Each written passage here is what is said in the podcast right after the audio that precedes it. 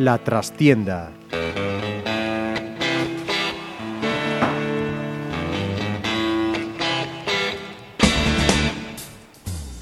Saludos amigos, os habla Ramiro Espiño en nombre de todo el equipo. Comenzamos una nueva edición de La Trastienda en Pontevedra Viva Radio.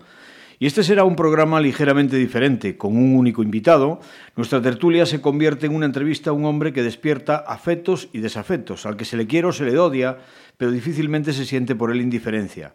Carácter y temperamento, incluso algo de visceralidad, son sus señas de identidad, y a mí que me da que detrás de esa fachada de duro se esconde un tipo entrañable, aunque a veces complicado de soportar en su círculo más cercano, por el nivel de exigencia que impone. José Luis Míguez, Luisito, entrenador de Pontevedra, muy buenas. Hola, buenas. ¿Estás de acuerdo con esa exposición inicial? Sí, la verdad es que sí. La verdad es que tienes, o no toda, pero sí parte, parte de razón. Sobre todo, es cierto que detrás de, la persona que aparento ser, pues se esconde pues la otra persona, el otro yo, que soy quizás demasiado, demasiado sensible. Llegaste al Pontevedra en una situación que este club no se merecía, evidentemente. Hundido en tercera división, con eh, tres años y, pico, eh, vegetando, dando más tumbos que otra cosa y demás, con una situación económica complicada y con un objetivo claro, urgente, de recuperar cuando menos una, un peldaño, una categoría, la segunda división B, aunque sin poder hacer milagros en el aspecto económico. ¿Qué fue lo que te decidió a aceptar la oferta? Pues mira, eh, cuando, cuando yo entablé las primeras conversaciones con, con Roberto, pues yo creo que yo con Roberto eh, hablara una vez y porque me preguntara, me preguntara en el verano, me preguntara por un, por un jugador. Después con la única persona que hablé del Pontevedra fue con Mila Velleira, que me preguntara para firmar a, a Capi y creo que a, creo que Campillo y después yo no hablara más con el, con el Pontevedra. Lo que sí me hacía gracia es que todo el mundo me relacionaba que yo iba a ser el entrenador del Pontevedra. Si te digo la verdad, soy el entrenador del Pontevedra, una porque quise, pero otra eh, estaba máis cerca de outro equipo de segunda B que todo o mundo daba por hecho que ese mismo día, ese mismo domingo, todo o mundo pensaba que yo estaba en un campo e non lo hice nunca, pero que sí decían que yo estaba reunido con un presidente de segunda B, incluso llamaron a, a mi casa, una, un familiar mío, diciendo que, que como nosotros no lo habíamos avisado, y no era cierto, yo estaba haciéndole las curas a mi madre que tenía unas úlceras en la pierna, y estuve toda la tarde del domingo allí en casa. Y creo que el, creo que el Pontevedra jugó con, no sé, no me acuerdo muy bien, pero creo que era con, con un equipo que estaba abajo de todo. Creo, no sé si era el Silva, si quién era, que empataran a ceros, no, no, no me acuerdo muy bien. Y curiosamente, pues el lunes estaba en casa también con, con mamá y me llamó Roberto a las 7 si me podía acercar a, aquí a, a Pontevedra Yo no tenía, yo no conocía a la presidenta, nunca la, nunca hablara con ella, ni, ni un saludo. Yo sabía que ella, que yo no era del agrado de ella. Eh, eso sí que lo, que lo sabía, no por Roberto, sino por otras personas. Y eso sí que me dolía en el alma que, me, que, que a mí me juzgaran sin conocerme. Lo que pasa es que yo entendía que, que sonaba para Pontevedra, sonaba para más equipos. Yo estaba de comentarista en la tele y cuando todo el mundo daba por hecho que yo iba a firmar en un equipo de, de segunda B, pues yo dejé de comentar los partidos en la tele. Preferí perder dinero, pero preferí estar tranquilo, porque lo que no me gusta que me hagan a mí, tampoco me gusta a mí hacérselo a, a los demás. Y al final, pues vine aquí y estuve hablando con, con Lupe y con Roberto muchísimo tiempo, y cuando me fui, pues yo aún no era entrenador del Pontevedra. Yo dejé las cosas claras porque soy un hombre quizá demasiado directo, pero yo creo que ah, voy a cumplir en agosto 50 años y es muy difícil que cambie. Y a partir de ahí, pues creo que el miércoles llegamos a un acuerdo, a un acuerdo económico y a partir de ahí, pues mira, pues encantado de la vida y la verdad es que me, me siento muy feliz y pero, no me arrepiento nada. Pero aclárame eso, porque eso es una, una de las partes que a lo mejor no se conocen, ¿no? De, de tu llegada aquí al Pontevedra.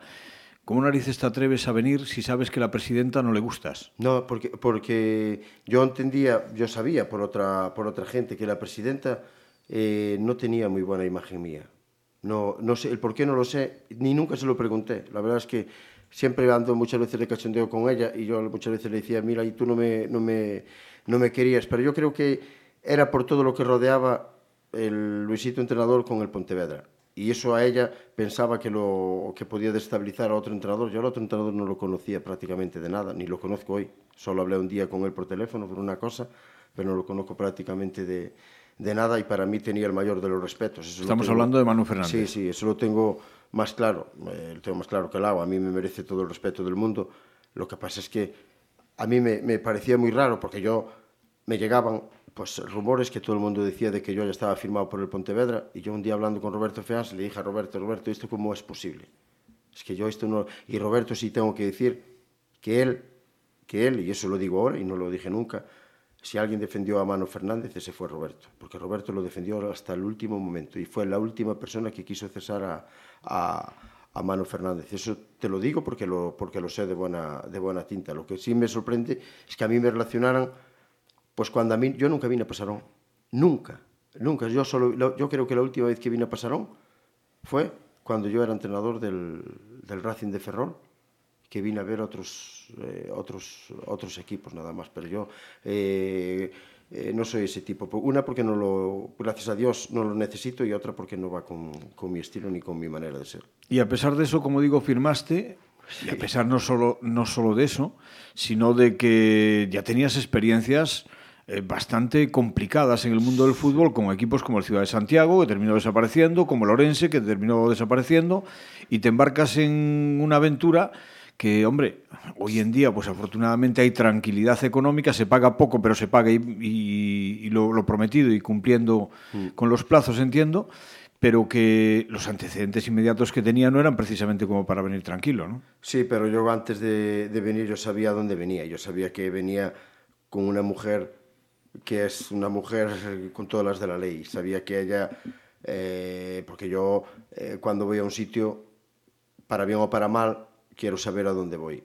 Y yo todas las referencias que tenía de, de Lupe eran inmejorables y sobre todo que era una persona, pues lo que ahora mismo me demuestra, que lo que dice lo cumple. Y, y yo eh, no puedo decir una mala palabra, y eso que tengo muchas enganchadas con ella, pero yo no puedo decir una mala palabra en contra de ella en, el, en ese aspecto, sobre todo el trato humano, eh, porque esto los eh, entrenadores vamos en función de los resultados, pero yo lo que más valoro es el trato humano, y el trato humano, a pesar de que muchas veces tenemos muchas diferencias, pero lo mejor que tenemos los dos es que yo lo que, lo que pienso, yo no voy a ir a decírselo a otra persona para hacérselo llegar, yo se lo digo de frente y punto, y si le sienta bien, bien, si le sienta mal, por mala suerte. Y ella hace lo mismo conmigo, por eso eh, los problemas que tenemos los solventamos eh, muy rápido, pues por nuestro carácter y sobre todo pues es mi manera de ser, y yo no, no, no, pienso cambiar porque de momento me fue, me fue bien siempre. Y viniste con tu propio equipo, Roberto Valdés mm. como preparador físico y sobre todo Pepe Rico como segundo entrenador, que me imagino habrá sido también una parte muy importante porque Pepe sí sabía sí. lo que es Pasarón, la presión que supone jugar en Pasarón, pero también lo bonito que resulta cuando hay una afición impresionante detrás, ¿no? Sí, evidentemente eh, yo todos los años que llevo de entrenador, pues Roberto Valdés lo lleva conmigo de preparador físico. Yo veo muy difícil que, que yo vaya a otro equipo sin Roberto. Eh, y Pepe, todos los años que llevo entrenador, Pepe o estuvo conmigo de, de jugador o estuvo conmigo de segundo entrenador. Y Pepe conocía al Pontevedra, pues que estuvo aquí y él evidentemente, pues yo más o menos ya lo conocía, que vine muchas veces a jugar aquí y sabía eh, el ambiente. Lo que sí es cierto que tengo que reconocer que me sorprendió gratamente la afición, lo bien que supo respaldar al equipo y lo bien que asimiló que este es un equipo por mucho Pontevedra que sea, pues es un equipo, entre comillas, humilde, ¿no? Y eso la afición sí que, sí que se dio cuenta. Y en ese aspecto, bueno, pues yo, eh, eh, una vez que se lo plantea a Pepe y se lo plantea a Roberto, pues ellos eh, me decían, bueno, pues es mejor, prefería aceptar una oferta de tercera con el reto de, de, de venir a Pontevedra porque es un equipo que siempre me gustó, no tuve la oportunidad de, de, ser jugador y sin embargo, pues yo sabía que tarde o temprano iba, iba a ser entrenador, ¿no? Y al final, pues mira, tengo, eh, lo tengo cumplido y ahora mi ilusión pues es triunfar más de lo que, eh, todo lo que pueda en el, en el Pontevedra. Hablabas de la afición, ¿te sorprendió ver 12.000 almas en un partido de tercera? Uf, eso fue lo más grande que, que viví en el fútbol, eso, eso es increíble. Eh, eh, yo creo que el día del mensajero y después el día del aro, eh, quedé asustado. Porque Sobre yo... todo cómo se repuso la afición sí. también, porque el equipo tuvo que reponerse un mazazo moral, sí, pero sí. la afición también. El equipo tuvo que reponerse, la afición sobre todo eh, lleva un palo durísimo, eh, yo creo que fue, y lo vuelvo a repetir, fue la estafa más grande que vi en un campo de fútbol, el partido ese del mensajero, lo digo y lo diré y lo mantendré siempre. Y cada vez, ahora ya no, no se me da por, por ver el partido, porque, pero lo vi tres veces. Y eso es una, eso es una vergüenza. De hecho, el árbitro nos arbitró el día del Guijuelo. Dos veces, el primer partido aquí luego fuera. Cultural, no tuvo ni la dignidad de, de, hablar conmigo, ni yo le di la mano, ni él me dio la mano a mí, ni, ni a él, ni a los jueces. Eso te iba a preguntar, si no le habías no, dicho no, no, nada. No, no, no, no me dirigí ni a él, solo me cruzó una mirada dura y yo a él igual. Y yo sé que le caigo mal, no le caigo lo siguiente, pero él a mí posiblemente también, porque eh, yo entiendo a que... A ti y a todos los grandes. Eh, yo a los árbitros los, los defiendo porque los tengo que defender, porque arbitrar es difícil, no dificilísimo pero yo lo que le reprocho es que él no cumplió el reglamento. Otra cosa es que él se equivoque en una apreciación, porque ahí tiene todo el derecho del mundo a equivocarse, igual que yo me equivoco en los cambios. Pero si yo hago cuatro cambios cuando solo está permitido tres, a mí me van a sancionar y a mi equipo igual. Y él el reglamento no lo aplicó y eso fue lo que más, lo que más me dolió. Por eso yo dije que esa eliminatoria, sobre todo ese partido, fue una estafa para el aficionado. Después eh, surgió la eliminatoria del Manzanares, que también vino muchísima gente al estadio y la definitiva que fue con, con el aro, que eso fue otro, fue otro espectáculo increíble, hay que estar ahí, como estuviste tú, como, estuvieron, como estuvo toda la gente, que eso es, eh, no es normal. Yo a quien se lo contaba, a todos los jugadores que estuvieron conmigo, que, que, bueno, que están fuera, y se lo comentaba y no me lo, no me lo creían. Menos mal que ahora, pues, internet, puedes ver todo y, y, eso es, la verdad es que fue increíble. Nosotros hablábamos precisamente, tuvimos una larga conversación en, en la isla de La Palma, sí. el, después del partido con el mensajero. Veníamos convencidos todos de que se podía remontar y vimos que sí, que se podía en condiciones normales. Otra cosa es lo que luego sucedió pero tú en algún momento pensaste, este no es nuestro año, sobre todo porque fuera de casa fuimos, encajamos tres resultados iguales sí. y no marcar en un playoff fuera de casa penaliza mucho. Mucho, muchísimo. Yo, eh, mira que tengo jugado muchos playoffs eh, y de entrenador igual, tengo ascensos y playoff y, y, no ascender, pero como sufrí aquí en el Pontevedra no lo sufrí nunca. Eh, Eh, y el día que peor lo pasé fue en Manzanares. En Manzanares fue la única, la única vez que pensé que, no, que estábamos eliminados. Eh, cuando nos pitó es que el penalti, penaltito, ¿eh? cuando nos pitó el penalti el árbitro y después que el equipo se me fue durante 10 minutos del partido, ahí creí sinceramente que se nos iba el playoff.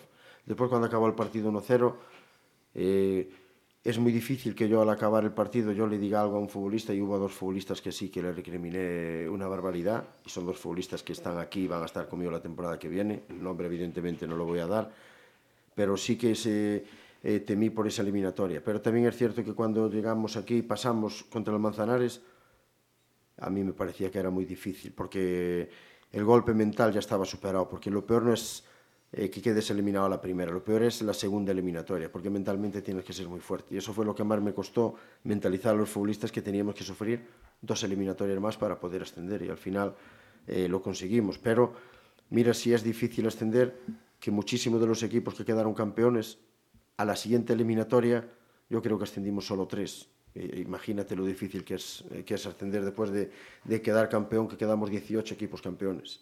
Pues nos acercamos un poquito más a lo más reciente, lógicamente. Era, a mí me apetecía pues, charlar un poco contigo y que los aficionados supiesen también un poco de primera mano tus sensaciones de, de entonces, ¿no?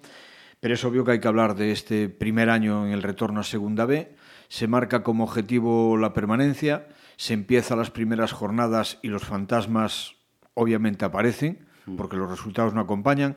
Bien es verdad que el juego sí, porque yo recuerdo el primer partido contra Guijuelo. el Guijuelo aquí, que fue una auténtica injusticia, el Guijuelo llegó una vez, marcó, y fue quizá un poco el, el síntoma, el sino de toda la temporada sí. de lo que nos costaba hacer gol. ¿no? Necesitábamos siete ocasiones para hacer un gol. Sí, sí. Pero luego a partir de ahí el equipo se vino arriba y ese objetivo de la permanencia se quedó pequeño muy pronto, ¿no? Pues sí, tienes toda la razón. Nosotros cuando, cuando empezamos, yo sinceramente creí que el equipo no iba a estar a, a, a tan nivel como, como estaba las primeras seis jornadas y curiosamente éramos últimos y estábamos jugando muy muy bien, pero ibas afuera, perdías 1-0. Venías aquí a casa, te ganaban 0-1. Era una desesperación. Pero yo, sin embargo, estaba súper contento porque yo veía el equipo entrenar y tú cuando ves al equipo entrenar y tú cuando ves, le miras a los ojos a los futbolistas, a jugadores que muchos ya estaban contigo hace mucho tiempo, a mí me parecía muy difícil que este equipo pudiese descender, porque yo sabía el nivel potencial de todos los rivales. Sinceramente creí que íbamos a sufrir muchísimo más para mantener la categoría, pero sin embargo a partir eh, de ganarle aquí al Tudelano, el equipo empezó a coger fuerza y sobre todo eh, mental, fuerza mental la tenía. Lo que le hacía falta era un poco de, de, de, de esa chispa, no sé, no sé cómo decirte, esa pizca de, suerte, porque nosotros generábamos muchísimo fútbol y muchísimas ocasiones de gol. Y a partir de, que del día del Tudelano, después fuimos a Santander, que no ganábamos fuera de casa, que eso a mí me daba una rabia tremenda porque hacíamos todo lo posible eh, para ganar y no éramos capaces de ganar. Una vez que fuimos a Santander hicimos un partido impresionante, a partir de ahí el equipo quedó una racha eh, fuera de lo normal. Y bien es cierto que el equipo estuvo pues en muchos partidos muy por encima de, lo que yo esperaba y de lo que incluso los futbolistas, pero el fútbol son dinámicas y estados de ánimo. Y el estado de ánimo nuestro era óptimo, era impresionante, no le teníamos miedo a nada, éramos un equipo muy muy valiente. Y después lo peor, que era lo que más temía yo, que algún futbolista de los llamados importantes pues cayera lesionado y ahí sí que cuando se lesionó eh, Alex el día de la cultural eh, de gravedad y después el mismo día de la cultural Mourinho cae enfermo y con una enfermedad muy muy complicada, pues yo sabía que ahí el equipo iba a pasar muchísimas dificultades, porque eran dos futbolistas que entendían perfectamente lo que yo quería y no tenía recambio para ellos. Y aun que Pedro eh, rindió a muy buen nivel y, y, y, se mató en el campo y no le tengo nada, absolutamente nada que reprochar, y que Ijeiro que cuando jugó lo hizo muy muy bien porque es un futbolista de unas condiciones tremendas, pues el estilo de juego que nosotros teníamos implantado, pues no eran los mismos futbolistas. ¿no? ¿Qué pasó con Pedro García? Porque mucha gente se lo pregunta, ¿no? Pasar, pasó de ser no estar en el 11, pero sí ser el jugador número 12 casi en todos los cambios de Luisito, sí. a prácticamente no contar.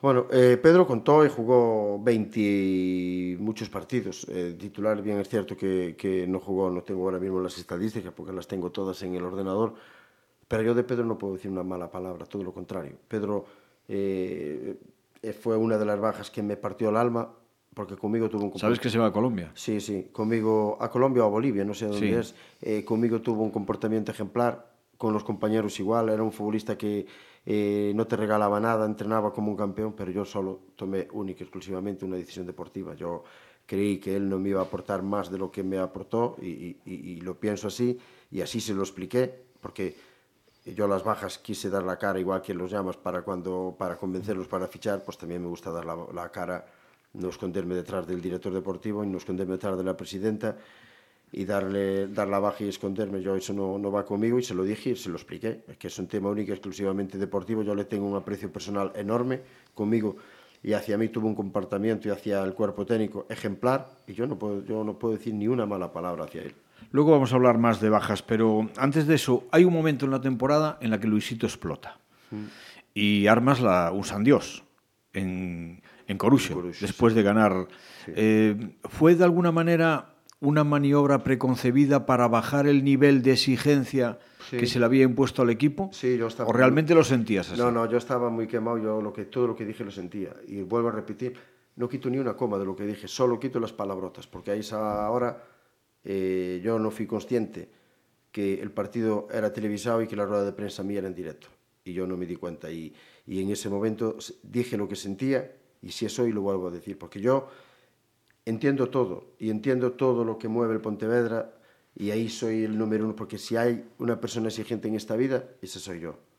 Y ese día, viniendo para, yendo para Corucho con Roberto, con Pepe, Eh, yo el día siguiente ya lo tenía preparado y tenía la rueda de prensa preparada en caso de ganar, porque a pesar de que dicen que soy muy impulsivo, que lo soy, sí me considero una persona muy calculadora, porque si no fuera así, yo estaría expulsado todos los domingos. Y resulta que de 38 jornadas solo tuve una, una amarilla por salir de la zona técnica. Y yo ese día se lo dije a Pepe y a Roberto, que como ganemos, hoy sí que voy a decir todo lo que pienso. Porque yo no, no me parecía normal, porque quien entrena con los jugadores soy yo. Y quien sabía cómo estaban los jugadores soy yo Y los jugadores, evidentemente, a la prensa y a, y a sus más cercanos no le van a contar lo que sienten. Pero yo estuve en 26 equipos o 26 vestuarios y sé cómo se maneja un vestuario y sé cómo respiran los futbolistas. Y yo notaba que los futbolistas, eh, eh, aquí el discurso cambió, aquí la gente yo intuía que ya el equipo le exigía más. Y empezaban a notar la presión. Y empezaban a notar la presión. Y sobre todo, si yo en ese momento no defendía a los futbolistas, nadie los iba a defender. Y yo me vi obligado a defenderlos porque yo intuía que el equipo no estaba atravesando su mejor momento. Ganamos en Corucho con muchísima suerte. Y el problema más grande que firmamos dos futbolistas porque otros dos se marcharon, no que yo nosotros le diéramos la baja. Otros dos se marcharon y tuvimos que cubrir la plaza. Si no, yo no quería firmar ningún futbolista en el mercado de invierno. Una, por no gastar eh, lo que el club no podía. Y otra, porque yo no quería conveniente, porque no creo en los fichajes de invierno. Los fichajes de invierno tienen que ser un futbolista que tú conozca, conozcas al 200%. Y aún así, aún así, es muy difícil, porque entrar en la dinámica, sobre todo en la dinámica que implanto yo en un vestuario, no es fácil. No es fácil. Y yo sabía que los fichajes de invierno, yo ahora no le puedo recriminar nada a Hugo y a Bello, que es muy fácil ahora echarle la porquería todo encima de ellos. No fueron los culpables, los culpables fuimos todos y yo el primero pero los fichajes de invierno es muy difícil que resulten. Y yo sabía que eso iba a dar una aureola y todo, y eso iba a generar una expectativa que la plantilla no estaba preparada para tratar de pelear por los cuatro primeros, porque los cuatro que se quedaron eran muy superiores a todos los otros que estuvimos peleando. Para nosotros estar peleando con el Tudelano, que al final eh, eh, creo que hecho 20 partidos sin perder y batió un récord nacional, creo que en la historia, de, que, no le, que no le metían un gol ni por casualidad. Para pelear con esos equipos nosotros teníamos que estar al 200% 38 jornadas y estuvimos al 200% 18-19 y no nos, llegó, no nos llegó para más. Y no fue problema de gasolina ni de preparación física. El equipo acabó físicamente muy fuerte. El problema más grande fue a nivel mental, que cada futbolista es un mundo. Y por eso yo ahí sí que, claro, voy aventajado porque los entreno pero la gente que va a la, a la grada, pues eh, ellos solo se fijan lo que es eh, competir los domingos, pero quien entrena con ellos pues realmente soy yo, yo sabía que no era un problema, que no era un problema físico. Ya me ha respondido aparte de lo que sí. pretendía contestarte a continuación, ¿no? que era los motivos de ese bajón en el rendimiento, dices que es más psíquico que físico, evidentemente, pero ¿de alguna manera ha habido algún jugador que te ha decepcionado con su rendimiento? No, decepcionado no, porque eh, la ventaja que tengo es, eh, mira, jugar tantos años al fútbol y yo estuve en muchísimos equipos y también fui un futbolista fichaje de invierno y sé lo que significa eso. Eh, eh, evidentemente, yo sé que mucha gente dice, eh, bueno, Hugo y Bello, que son dos futbolistas maravillosos a nivel individual, pero por unas cosas o por otras, pues no encajaron, no encajaron. Eh, tristemente, bueno, pues el, eh, los números están ahí. Pero yo no lo puedo decir ni pío. No lo puedo decir porque yo, ellos pues, eh, eh, entrenaban bien, eh, competían como, como ellos son andaluces y compiten como, como andaluces. Eh, no le puedes... Eh, eh, es que es, sería totalmente injusto. Eh, yo, sinceramente, pues bueno, pues siempre esperas algo más de algún futbolista. Pero yo lo que más valoro es el comportamiento. El comportamiento sí que tuvieron un muy buen comportamiento. Después, que a nivel individual, cuando tienes que jugar y salir a competir, pues eh, cada futbolista es hijo de su padre y de su madre y unas veces te salen bien las cosas y otras veces no. ¿no? Bueno, hablamos de que se termina la temporada, al final noveno puesto, que deja un cierto regusto amargo por la trayectoria a la que se venía, pero no porque yo creo que hasta el más optimista antes de empezar la liga lo hubiera firmado a ojos cerrados. Claro, pues es que ahora te voy a decir, eh, yo entiendo aparte de la gente y sobre todo eh, yo, todo el mundo sabe de fútbol, perdón, todo el mundo opina de fútbol, todo el mundo en el fútbol opina todo el mundo, opina un carpintero, opina un albañil, opina un pintor, opina un médico, opina un ingeniero, pero de medicina ya no todo el mundo puede opinar, porque ya no todo el mundo sabe. En, este, en eso ya me encuentro yo. Y eso que eh, presumo de estudiar, sobre todo mucha anatomía, mucho, pero yo no me atrevo a, opinar de medicina. Y de unas cosas que no soy capaz de, tener el 100% para poder opinar, me callo. Pero a mí me hace mucha gracia cuando la gente eh, hablaba que el equipo podía quedar arriba. Al principio de liga el objetivo único y claro marcado era salvar la categoría. Si nosotros nos moviéramos, y ahora me va, a entender todo el mundo, si nosotros nos moviéramos, ¿cómo se movió el Celta B toda la temporada. ¿Y cómo acabó el Celta B? Todo el mundo diría que fue una, fue una campaña espectacular. Y sin embargo, yo hace poco tiempo, hace dos o tres días, hablé con un alto cargo del Celta para pedirle información sobre un futbolista. Y cuando me dijo lo que ganaba ese futbolista, yo le dije, que vosotros hicisteis el auténtico ridículo. Porque lo que ganan esos futbolistas y el presupuesto que tiene el Celta B, y dónde quedó el Celta B, y la temporada que hicimos nosotros, pues ahora parece que el Celta B hizo un temporadón y nosotros una temporada mediocre. Y nosotros tuvimos toda la primera vuelta, prácticamente toda, o gran parte, entre los mejores y casi toda la segunda entre los mejores, salvo los últimos cinco o seis partidos.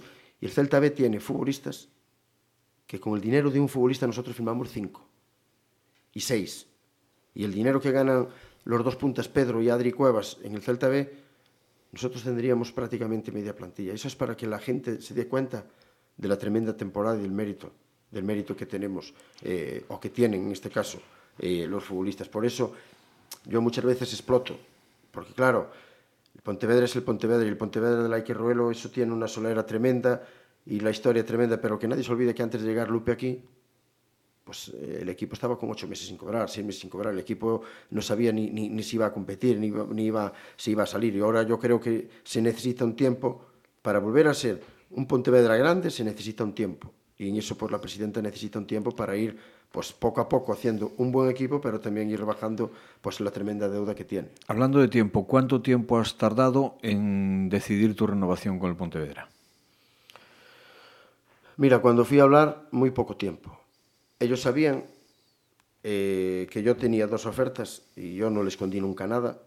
Y la presidenta y Roberto Feán sabían que yo estaba muy hipotecado por el tema de mamá. Yo, si no es por el tema de mamás, bien es cierto que yo perdí una oportunidad única, una de ganar un dinero que posiblemente no lo vuelva a ganar más y de entrenar en segunda A o de entrenar en un equipo de primera fuera de aquí. Y me daban una borrada de dinero y todo asegurado. ¿Qué pasa? Que mamá no, no me quiere venir o no quiso venir y yo para entrenar en Galicia, mejor equipo que el Pontevedra no lo tenía. Y yo, ante lo que significa mi madre para mí, no hay dinero en el mundo que lo pague. Yo con tal de tener dinero para que mis dos hijos coman y yo tenga dinero para vivir, eh, lo que yo le quiero a mi madre, no hay dinero en el mundo que lo pague. Y prefiero sacrificarme yo porque yo sé que mamá se sacrificó por mí y por, diez, por, diez, por nueve hijos más, que somos diez, dos murieron y por dos nietas que las crió. Y eso, pues alguien se lo tiene que agradecer, mis hermanos se lo agradecerán a su manera, pero yo sé cómo agradecérselo y ella sabe perfectamente y tengo discutido muchísimo con ella, pero como ella tiene 87 años, pues eh, primero es ella y ante eso no, no hay dinero que lo pague.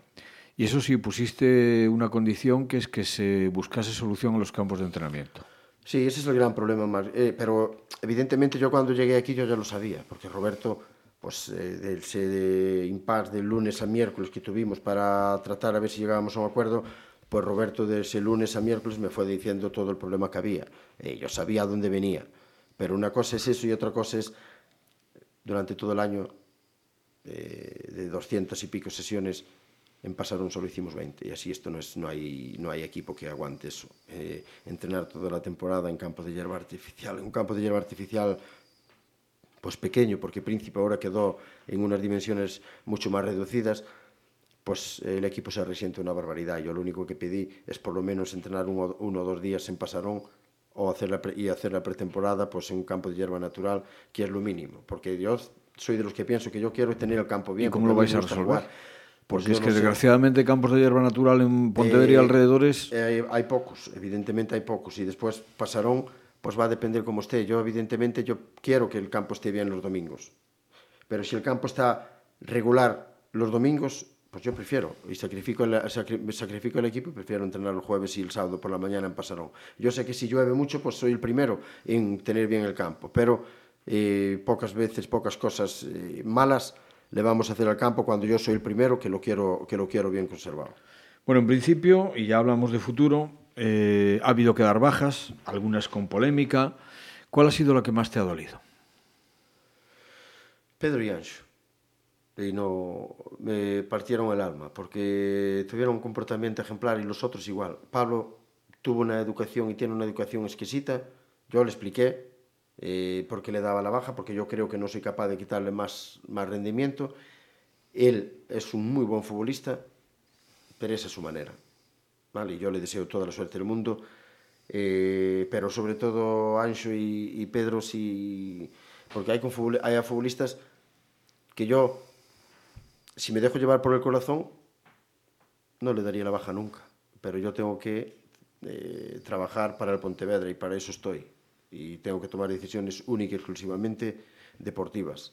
Porque si no las tomo deportivas no sería un hombre honrado y honesto como el Pontevedra. Pero eh, sí esas dos me dolieron mucho. Independientemente que yo tenía muy buena relación con casi todos, porque, o, con todos, porque soy un hombre que a pesar de que la gente me ve como un auténtico ogro, pues sí, estoy en el vestuario con ellos y me preocupa y sé la vida personal de todos y sé cuando andan por ahí de juerga y sé lo que hacen. Eh, en el 80 o el 90% de los casos eh, los tengo muy, muy, muy controlados. Tú eres como Luis Aragonés, el difunto y maestro Luis Aragonés, que dice que ya que salgan hasta el miércoles bueno, pero si salen a partir del jueves ya te jode. Pues sí, la verdad es que soy bastante parecido a ese hombre, sí, soy, soy muy parecido. Quizás sea el entrenador que más me parezca así, sobre todo en la manera en la manera de ser y en las charlas y todo eso, sí cuando lo veo, porque bueno, eh, eh, lo seguí mucho en paz descanse, pues sí es al entrenador que posiblemente más me parezca. Y lo de Ancho decías, eh, yo creo que el caso de Ancho conviene también que la gente sepa, ¿no? Eh, quién es cada cual. Y a mí Ancho, de verdad, como a ti, me ha dolido también especialmente, lo digo en este caso como seguidor habitual de, del equipo, porque es de esos futbolistas que cuando se le contrató quiso venir al Pontevedra. Sí, por encima de, de, cualquier otra cosa. Sí, señor, es que eh, vosotros qué pensáis, que yo, vuelvo a repetir, yo no soy ese ogro que, que tengo, que, que, se me ve en la zona técnica. Eh, yo tengo sentimientos y soy muy, muy sensible, lloro por todo. Por todo, de hecho, no puedo ver una película porque lloro. Eh, soy muy sentimental, soy así, no soy capaz de, no soy capaz de, de, de corregir eso. Y mi madre se ríe muchas veces eh, de mí porque ella no es así, ella es mucho más fuerte. Eh, mis hijos se ríen de mí. Y Hombre, ten, teniendo 10 hijos no le quedaba más remedio sí, en la vida que ser fuerte. ¿eh? Y yo lloro, eh, soy un tío muy sentimental y lloro por todo y me hace muchísimo daño todo. Y yo darle la baja pues, a Ancho sí, lo pasé muy mal y no me eché a llorar delante de él, puta casualidad. Soy así y me duele porque él, él sí es un chico eh, que yo sé que él nada más llamar al Pontevedra fue eso, pues sí, pero yo vuelvo a repetir que tengo que mirar única y exclusivamente el tema deportivo.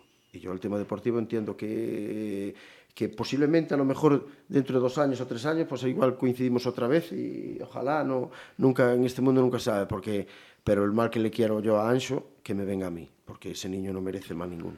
¿Y Campillo? Digo porque fue quizá lo de la, la baja no, la no renovación a ver, pero yo te lo que más muy, sorprendió. Pero mira, yo te lo explico muy fácil. Por su polivalencia pero fundamentalmente. Mira, ¿no? Pero yo te lo explico muy fácil. Eh, cuando acaba la liga, eh, yo le explico a todos los futbolistas, a todos los futbolistas en la charla, le digo que yo no me iba a esconder detrás de, los, de, de Lupe ni de Roberto, que yo tenía muy claro con quién me iba a quedar y con quién no. Yo le di una lista a Lupi a Roberto, en este caso a Roberto, le di una lista de 13 futbolistas en los cuales estaba Kevin Presa, que es, va a ser difícil que esté, por mí ojalá, eh, va a depender de él, eh, de quedar o no, y del club, evidentemente. porque tiene ofertas. Claro, evidentemente. Bueno, y entre, entre esos futbolistas que yo quiero que se queden está Campillo. ¿vale? Yo hablé con todos, hablé con todos. El único futbolista que no se presentó a eso fue Alex Fernández, que remitió todo a su representante, porque él se marchó, no sé a dónde, a dónde se fue. Campillo, como todos, vino por allí, yo hablé con él. Campillo tenía una oferta de renovación, eh, Roberto y yo en este, en este aspecto trabajamos codo a codo, eh, quedamos en que una vez que le hicieran la oferta, pues había una semana para contestar, que lo pensaran y para contestar. Durante esa semana esos futbolistas eran prioridad absoluta del club. Prioridad absoluta. Tenían una semana, unos si vienen un lunes, pues tenían al otro lunes. El que venía el miércoles tenían hasta el miércoles. El que venía el jueves tenían de jueves a jueves. Y tenían prioridad absoluta. Yo no busqué a otro futbolista que no fuera ese. Caso Campillo. Yo hablo con él, yo le explico. Can, yo quiero que te quedes. Una, porque lleva, eh, estuvo tres temporadas conmigo en Orense. La primera temporada en tercera fue titular indiscutible, después en segunda vez no era titular, Era, eh, lo pasó mal para jugar conmigo, pero yo tenía mucha, le tengo mucha estima y sé lo que me podía dar. Aquí en Pontevedra hizo una temporada en tercera inmensa. En la primera vuelta esta temporada estuvo a un nivel muy, muy alto. Yo es un chico que le tengo un cariño enorme, pero enorme, porque es un chaval de 10. Y yo le expliqué, mira, Can, eh, yo quiero que te quedes. Voy a firmar otro, voy a tratar de firmar otro central de nivel, porque no podemos estar, eh, Capi acaba de renovar, y no podemos estar con dos, tres centrales más Bruno. ¿Vale? Voy a firmar un central de dinero, vale. Él dijo que iba a pedir más dinero y él sabe que yo no miento. Él, yo le dije que la presidenta, y yo creo que con muy buen criterio, con muy buen criterio por parte de la presidenta y por parte de Roberto Feans, tenían idea de subir a tres, cuatro futbolistas que estaban ganando muy poco dinero. Muy poco dinero. Campillo no estaba entre ellos. Y a los futbolistas que se le iba a ofrecer la renovación, no se le iba a subir, pero tampoco se le iba a bajar. Y esto es como todo, es ley, una oferta y el otro está para aceptar o no aceptar. Durante esa semana yo a, Can le comenté, mira que no te van a subir, piénsatelo bien que no te van a subir. Efectivamente, así fue. La semana siguiente, pues eh, Roberto se puso en contacto con él, pues él le dijo que, que, que no aceptaba y a partir de ahí Roberto me dijo, busca otro central. Buscamos, buscó otro central, por mismo con el dinero de, Campillo. Evidentemente, queda por fichar otro central más. Campillo fue la, la eh, salió, saltó todo en que Campillo hace las declaraciones, parece ser que dice que bueno que, que no queda porque Roberto le dijo que no que no podía que no seguía porque se le acabó el plazo y él dijo que no. ¿Qué pasa? Que esto es la ley de oferta y demanda. Para mí es todo mucho más sencillo. Para mí es todo mucho más sencillo. Aquí hay una oferta y tú aceptas o no aceptas. Khan sabía que el club no le iba a dar más dinero, por eso que, pero no le iba a bajar más dinero. Y yo creo que ahí hubo un pulso, hubo un pulso donde Campillo pensó, o yo entiendo que posiblemente eh, el club iba a ceder, el club no cedió ni con Campillo ni con ningún otro futbolista. Es que no hay eh, diferencia con nada. Con el ¿Hay, único... ¿Hay posibilidad todavía? Es que yo hablé con él. Yo hablé con él y yo le dije a Campillo que yo renunciaba a firmar el central, que yo entiendo que podía ser más mi nivel. Y Roberto Feans me consta que también. Y la presidenta, la presidenta, con todo lo que mucha gente piensa, es la que más tiraba para que Campillo se quedara. Pero evidentemente ella, hay un dinero, y yo entiendo, la presidenta entiende, Roberta, hay un dinero que la presidenta dice, de aquí no se puede pasar, y hay que gestionar ese dinero. Y si tú quieres hacer un equipo mucho más competitivo, pues tratamos por todos los medios de, de, de, equivocarnos lo menos posible y que hay futbolistas que yo entiendo que ganaban muy poco dinero y a mí la presidenta y Roberto dicen, mira, estos hay que subirlo un poco, y yo le dije que sí. Pero hay futbolistas que no se le podía subir. Y yo estuve en equipos, y a mí también me pasó, donde había, si querías quedar, tenías que bajar el, el sueldo. Yo el otro día hablé con un directivo de un equipo, bueno, un alto cargo de un equipo de muchísimo nivel gallego, y me dice que le van a bajar el sueldo a muchos futbolistas, de segunda B, ¿eh? te hablo de un equipo gallego de segunda B, y que le van a bajar el sueldo a muchos futbolistas. Y algunos van a aceptar. Aquí no pasó nunca, aquí no pasó eso. Aquí es cierto que no se le subió, pero tampoco se le bajó. ¿Vale? Y se le, yo creo yo creo sinceramente que a lo que el Pontevedra puede pagar, a lo que el Pontevedra puede pagar, yo creo que eh, tanto Lupe como el Consejo de Administración están haciendo un esfuerzo muy, muy grande. Y yo, evidentemente, yo con Campillo hablé y tengo mucha amistad con él y, y le deseo todo lo mejor, pero aquí, aquí se inquistó una cosa por una tontería. Por pero una no, tontería. Pero no me has dicho si se puede reconducir o no. Es que depende. Si aún hay tiempo, no, no, no, vamos. Campillo dijo que no, que no quería saber absolutamente O nada. sea, ya es No, no, definitivamente Campillo me dijo a mí que no quería saber absolutamente nada del Pontevedra. Y yo le dije, el, yo le dije el, no sé si fue el sábado o cuando fue, que yo estaba dispuesto a renunciar al otro central, al otro central, por él. Porque yo sé cómo es, pero eh, sé cómo es y sé lo que, el comportamiento que tuvo hacia mí, hacia todos los compañeros, pero yo creo que aquí culpables son todos. Aquí, hay, aquí hubo una oferta y el club no se movió de esa oferta y por muy poco dinero Campillo dijo no. Esa es la, la, la, la realidad. Quizá y... la otra baja sorprendente sea la de, o haya sido la de Ramón Verdú. Lo digo porque había sido considerado para muchísima gente como de los mejores laterales izquierdos de la categoría y además es un puesto complicado de cubrir. Es una decisión muy mía.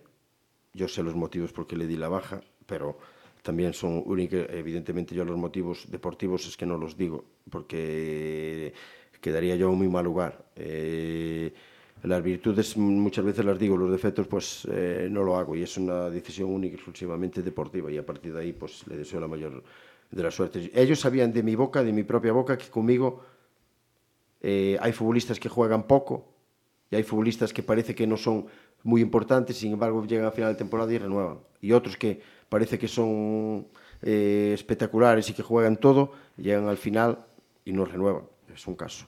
Ese es un caso. Bueno, vamos ya para ir terminando. Eh, lógicamente, en cuanto a los fichajes, creo que los puestos están un poquito en, en, la mente de todos, ¿no? Hay que buscar un segundo portero, eso es evidente. Mm. Acabas de decir, obviamente, al no continuar Campillo, quizá dos centrales. Sí, sí, sí, dos centrales. Uno o dos mediocentros, dependiendo mm. de Kevin Presa. Sí. Y al menos un delantero, más lo que venga, no sé. Evidentemente, estamos esperando Borjas, porque Borjas, todo el mundo piensa qué pasa con Borjas. No, Borjas eh, es muy, muy claro. Borjas se quedó aquí y Borjas no pudo ir a, a La Palma, de donde es él. Y cuando él se fue, una vez que llegó allí, pues tenía una semana como todos. A partir de ahí, que es lo que decimos siempre y lo que aclaró Roberto, a partir de ahí hay una semana donde ellos tienen la prioridad absoluta que nosotros no negociamos con nadie. Pero una vez que pasa la semana, no es que sea baja definitiva, es que entran otros futbolistas en esa terna donde a lo mejor pueden quedar ellos cortados. ¿Vale? Hasta creo que hoy o mañana se le acababan los Borjas. Borjas hasta hoy era prioridad absoluta. No negociamos con ningún otro futbolista de esas mismas características. Ahora bien, si Borjas hoy o mañana, cuando le toque, que no sé cuándo tengo que ir al club, eh, con Roberto me diga, mira, Borjas se le acabó, pues a partir de ahí, Borjas igual puede renovar dentro de tres días o dentro de cuatro días, pero también es cierto que el club se encuentra otro futbolista que a nosotros nos, nos convenga y creemos que es bueno para, para el Pontevedra, pues, pues firmará. ¿Buscas experiencia y también centímetros? Sí, un poco más de centímetros, sí.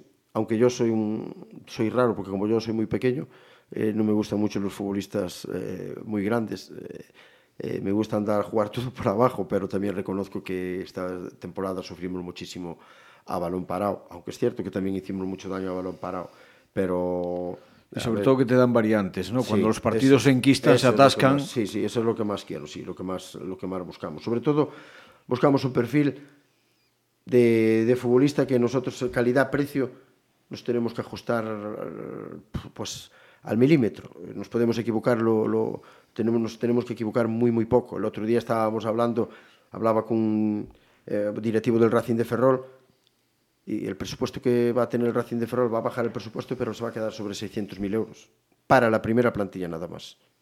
Pues el Logroñés, el Tudelano, el Racing de Santander, los que quedaron arriba, y ahora baja la Ponferradina. Y la Ponferradina solo con lo que le da la Liga bueno, de Fútbol habrá que ver la configuración de los grupos, porque pero la Ponferradina nunca se sabe. la va a encuadrar con nosotros fijo, sí o sí, sí o sí. Y la Ponferradina, solo con lo que le dan la, la Liga de Fútbol Profesional, es 1.200.000 euros pues tendrá un presupuesto de 2 millones, nosotros pues lo veremos muy lejos. Pero con lo poco que tengamos, nosotros vamos a competir como campeones, eso lo tengo muy claro. Es el 75 año, el, 75, el año del 75 sí. aniversario de la fundación del Pontevedra Club de Fútbol y todo el mundo espera más de este Pontevedra. ¿Te vas a enfadar cuando te digamos que si el playoff o incluso el ascenso es un objetivo? No, porque no va a ser. No va a ser un objetivo el playoff ni en la fase de ascenso, porque va a depender mucho de lo que donde te, el objetivo, ya lo digo ahora y lo anticipo, el objetivo va a ser mejorar lo de la temporada que viene, porque ves que ningún transatlántico salió de la categoría, está en la misma categoría y ahora mismo hay cuatro equipos, más la Ferradina, cinco, más la Cultural, seis, más el Burgos, siete, que superan con mucho el presupuesto que van a tener el Pontevedra, pero no por eso tú vas a dejar de competir. Nosotros vamos a tratar de estar peleando con los mejores. Y si esta temporada quedamos novenos, pues hay que tratar de estar peleando con los mejores. Y eso no quiere decir que nosotros no vayamos a renunciar. Así ves que está cerca la fase, no vamos hablas a de presupuestos, pero yo sé que a ti te molesta mucho cuando la presidenta te cita a Leibar. Evidentemente, sí, pero, pero cambia mucho. pero cambia mucho. El Eibar no ascendió a segunda con el presupuesto que tiene el Pontevedra, ni que tiene el Racing de Ferrol. Yo sé con qué presupuesto ascendió el Eibar de segunda B a segunda A. Y después ascender de segunda A a primera, ahí ya no me parece tan difícil. Ahí sí que ya no me parece tan difícil. Pero ahí ya tienen 4 millones de euros de presupuesto. ¿eh? Y no es igual 4 millones de euros que menos de 400.000. Cambia mucho la historia. Luisito, eh, te gusta la música, creo, ¿no? Sí, me gusta, sí. Me bueno, gusta. pues aquí solemos despedirnos musicalmente en este programa siempre. Muchas gracias por estar aquí. Muy bien, Toda la suerte gracias. del mundo, porque en definitiva tu suerte será también la del Pontevedra. Sí, evidentemente. Muchas gracias, que, que me encontré muy a gusto. Muchas gracias. Y a todos los que nos estáis escuchando, pues os dejamos con nuestra habitual despedida musical, que esta semana llega de la mano del grupo inglés Jamiroquai. Grabado en los míticos estudios londinenses Davey Road, de allí donde precisamente grababan los Beatles, casi nada, su título es Love Philosophy. Como cada semana, que lo disfrutéis. Hasta el próximo programa, que intentaremos que haya más y si podemos también mejor.